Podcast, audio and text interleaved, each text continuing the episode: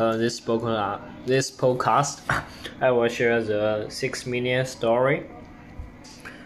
Uh, let's go on. Hello, this is uh, six millions uh, English, and I'm Neil. Enjoy me today's rip. Rob. Hello, Rob. How do you feel, how do you feel of shopping? Uh, around mail spending money is my idea here. How about shopping online? Uh, yes, many better sitting on the front of the TV or browsing online uh, is much easier. Uh, where there can be a problem is sometimes too easy, especially when we are tired. We try tried and we sometimes uh, make purchases re regret. That's that's what we were talking about in this program. Uh, activity as known as vampire shopping. But before we continue, this my job to sit your quiz question. Here goes.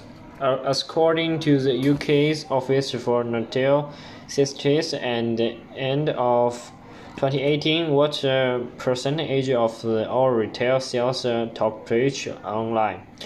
Uh, buying things online is big business now as you see. 29 point uh 29.8 percent. Well, you have you will have to wait a bit or find out. Uh, but let's talk more about the vampire shopping. This term refers to shopping late on at night, traditional time when vapor appear. Most of us are asleep, asleep at this time, but sleep deprived parents, shift, shift workers, and uh, government might not be.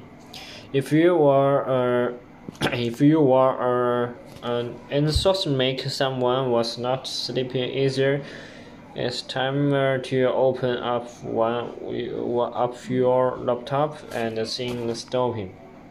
Online shops are open on 20 hours a day, so it's easy to get stuck in do some shopping. When you get stuck, stuck into something, it is mean you can't uh, stop yourself getting involved with something that you didn't want to do. So what you what are you saying now is at night when we are tried, we have always think a stretcher can make some bad decisions. That's right, and some shopping temptation can be pressure is can be particles. A particle prevention for those with material health issue. That's true.